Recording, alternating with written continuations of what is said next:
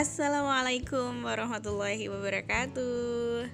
Sahabat muslimah kreatif, jumpa dengan saya Faiko Al-Husna dalam podcast muslimah milenial. Milenial Platform Muda Berkarya. Apa kabar sahabat muslimah semua? Semoga semuanya sehat dan tetap semangat ya. Nah insya Allah kali ini kita akan ada dalam season Sakofah dan kita akan ngobrol-ngobrol seputar politik nih. Topik bahasan kita kali ini adalah benci produk asing, retorika politik penuh kamuflase. Dan ini adalah buah pikir dari Ustazah Hanin Syahidah. Beliau adalah seorang pemerhati masalah sosial. Oke, sahabat muslimah disimak ya. Nah, seruan Presiden Republik Indonesia, Bapak Jokowi soal benci produk asing itu ternyata menuai kontroversi, sahabat. Ada sebagian pihak nih yang mendukung, tapi nggak sedikit juga yang akhirnya menyayangkan statement tersebut. Salah satunya datang dari Wakil Ketua DPR, Rahmat Gobel. Yang beliau juga sekaligus ex-presiden direktur PT Panasonic Global Indonesia. Beliau mengingatkan bahwa produk impor saat ini masih mendominasi sejumlah lini bisnis di tanah air. Ada sebanyak 60% barang elektronika masih merupakan barang impor. Pengamat kebijakan publik eh, yang bernama Agus Pambagio itu menilai bahwa ajakan Presiden Joko Widodo soal menggaulkan benci produk luar negeri itu justru merupakan suatu terobosan yang baru. Um, dan itu pertama kalinya disampaikan oleh seorang kepala negara. Namun saat bersamaan nih, ajakan tersebut bisa berbahaya dan berdampak pada hubungan Indonesia dan negara-negara tetangga. Karena selama ini ketergantungan terhadap barang impor masih cukup besar.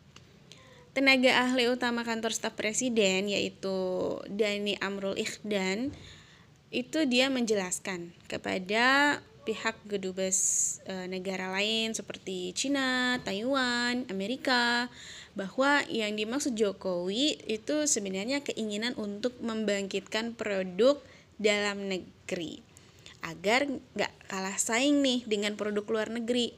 Jadi sebetulnya maknanya tidak kontekstual membenci negara atau produk dari luar. Ini tujuannya untuk kebangkitan internal Indonesia, gitu katanya. Nah, Direktur Eksekutif Parameter Politik Adi Prayitno menilai pernyataan Presiden Joko Widodo ini yang mengajak masyarakat untuk membenci produk asing itu justru merupakan wujud kegalauan pemerintah sekaligus menunjukkan sikap paradoks. Sebab saat ini hampir semua sektor melakukan impor loh. Adi uh, yang merupakan Direktur Eksekutif Parameter Politik ini beliau menyerukan untuk uh, mengatakan bahwa seruan untuk uh, membenci produk asing itu sebetulnya disampaikan saat pemerintah uh, justru malah masih membuka keran impor gitu loh. Jadi masih banyak komoditas yang memang bisa diproduksi uh, dalam negeri. Terlebih industri dalam negeri itu tidak didukung dan dilindungi Harusnya kan seruan itu diikuti dengan kebijakan menutup keran impor dan sejumlah kebijakan strategis yang di antaranya bisa mendorong sektor-sektor yang bisa dikelola sendiri. Alhasil nih sahabat muslimah, kita bisa melihat bahwasanya seruan yang digaungkan Presiden Joko Widodo itu akhirnya kontradiktif, kontraproduktif bahkan. Atau mungkin sebatas lip service semata.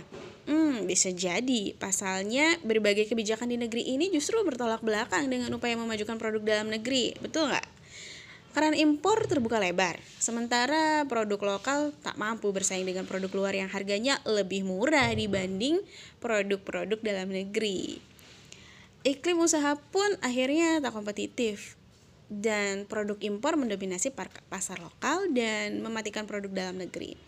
Ya, sebut saja laju impor beras yang tak terbatas. Berita terbaru nih yang dilansir oleh cbncindonesia.com pada 8 Maret yang lalu, pemerintah berencana akan mengimpor beras sebanyak 1 juta ton di tengah masa panen raya nih di dalam negeri kita. Dan tentu saja rencana tersebut akan membuat harga beras di tingkat petani akan jatuh. Kebijakan impor inilah yang justru mematikan para petani dan memperkaya para cukong-cukong kapitalis yang bersembunyi di balik kebijakan impor tersebut. Dengan dalih mempererat hubungan bilateral dan multilateral, pasar Indonesia dinominasi kapitalis global hingga menyebabkan ketergantungan terhadap impor. Ditambah dengan kenyataan terikatnya Indonesia dengan pasar bebas menjadikan impor semakin tak terkendali. Dengan kebijakan ini, peran kapitalis untuk melakukan ekspansi pasar semakin terbuka lebar. Begitulah karakteristik sistem kapitalisme akan menentut eh, manusia ke dalam hukum rimba, masuk ke dalamnya. Siapa yang punya modal, dia yang bisa servis dan kian mendominasi berbagai lapisan masyarakat. Sungguh ironis sekali ya nasib negeri kita ini. Negeri yang katanya gemah ripalah jinawi, tongkat dilempar bisa jadi tanaman, biji disebar bisa jadi sayuran. Namun faktanya serba impor. Sistem kapitalisme yang mencengkram negeri ini akan senantiasa mengarahkan berbagai kebijakan yang di luar uh, dan bisa melahirkan untuk kepentingan para kapitalis. Hal ini sangat berbeda dengan Islam dalam pandangan Islam, perdagangan luar negeri itu tidak hanya dilihat dari aspek barang yang diperdagangkan, tetapi dilihat dari orang yang melakukan perdagangan. Dalam hal ini, mereka bisa diklasifikasikan menurut negara asalnya menjadi tiga bagian. Yang pertama, kafir harbi, yaitu mereka yang menjadi warga negara kafir yang bermusuhan dengan negara Islam dan kaum muslimin.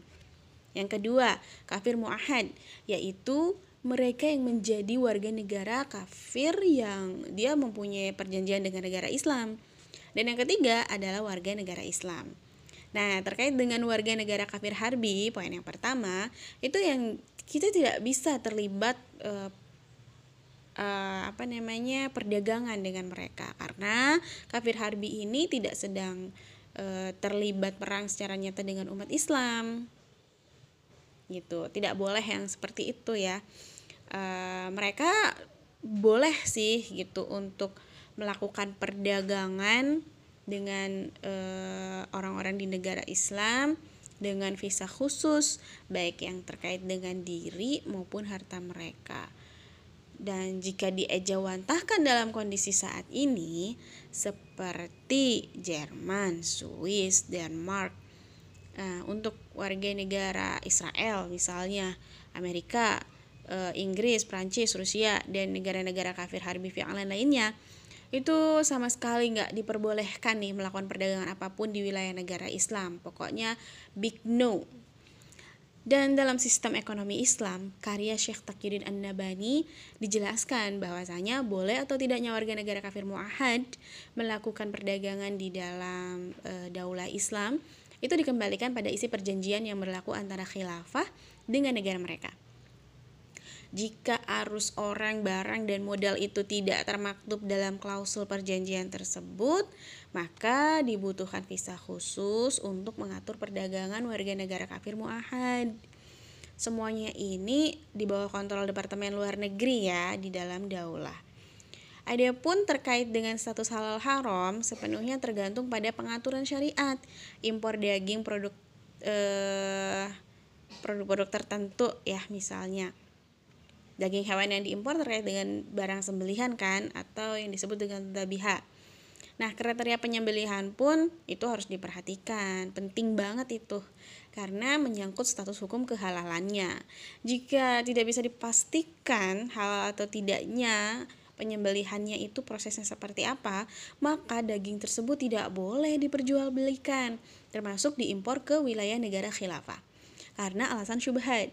Khilafah bisa melarang impor daging ini jika barang syubhat ini e, lalu kemudian masuk ke wilayah negara khilafah, maka nanti akan ada kode hisbah yang harus menghentikan produksi e, atau distribusi ya dan konsumsi daging ini yang tadi diimpor. E, bukan produksinya tapi distribusi dan konsumsi dagingnya. Kode hisbah itu juga bisa mengusut dari mana nih sumber distribusinya. Terus tindakan ini harus dilakukan karena Islam itu menetapkan standar halal haram terhadap barang dan jasa yang diproduksi, didistribusikan, dan dikonsumsi di tengah-tengah masyarakat. Jika terbukti haram, atau setidaknya syubhat, maka tidak boleh diproduksi, didistribusikan, dan dikonsumsi. Sementara warga negara khilafah, baik muslim maupun non-muslim, ahli dhimma, bebas melakukan perdagangan yang tentunya sesuai dengan syariat. Hanya saja, mereka tidak diperbolehkan untuk mengekspor komoditas strategis yang dibutuhkan negara khilafah, karena dengannya bisa melemahkan kekuatan negara dan menguatkan musuh. Adapun terkait makelar yang bekerja menghubungkan perusahaan importir dengan stakeholder atau pengaku kebijakan yang uh, dengannya itu makelar tersebut mendapatkan komisi gitu ya atas usahanya, maka hal ini menyalahi hukum Islam. Dari sini tergambar jelas kan begitu holistiknya pengaturan daulah khilafah dalam aspek perdagangan luar negeri. Negara yang bervisi besar uh, yang melandaskan asas negaranya kepada Al-Quran dan As-Sunnah telah terbukti nih kedigdayaannya itu selama kurang lebih 13 abad lamanya sahabat muslimah.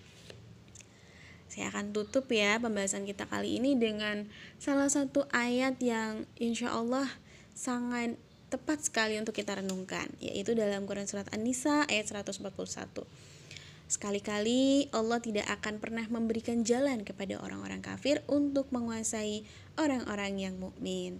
Wallahu a'lam bisawab.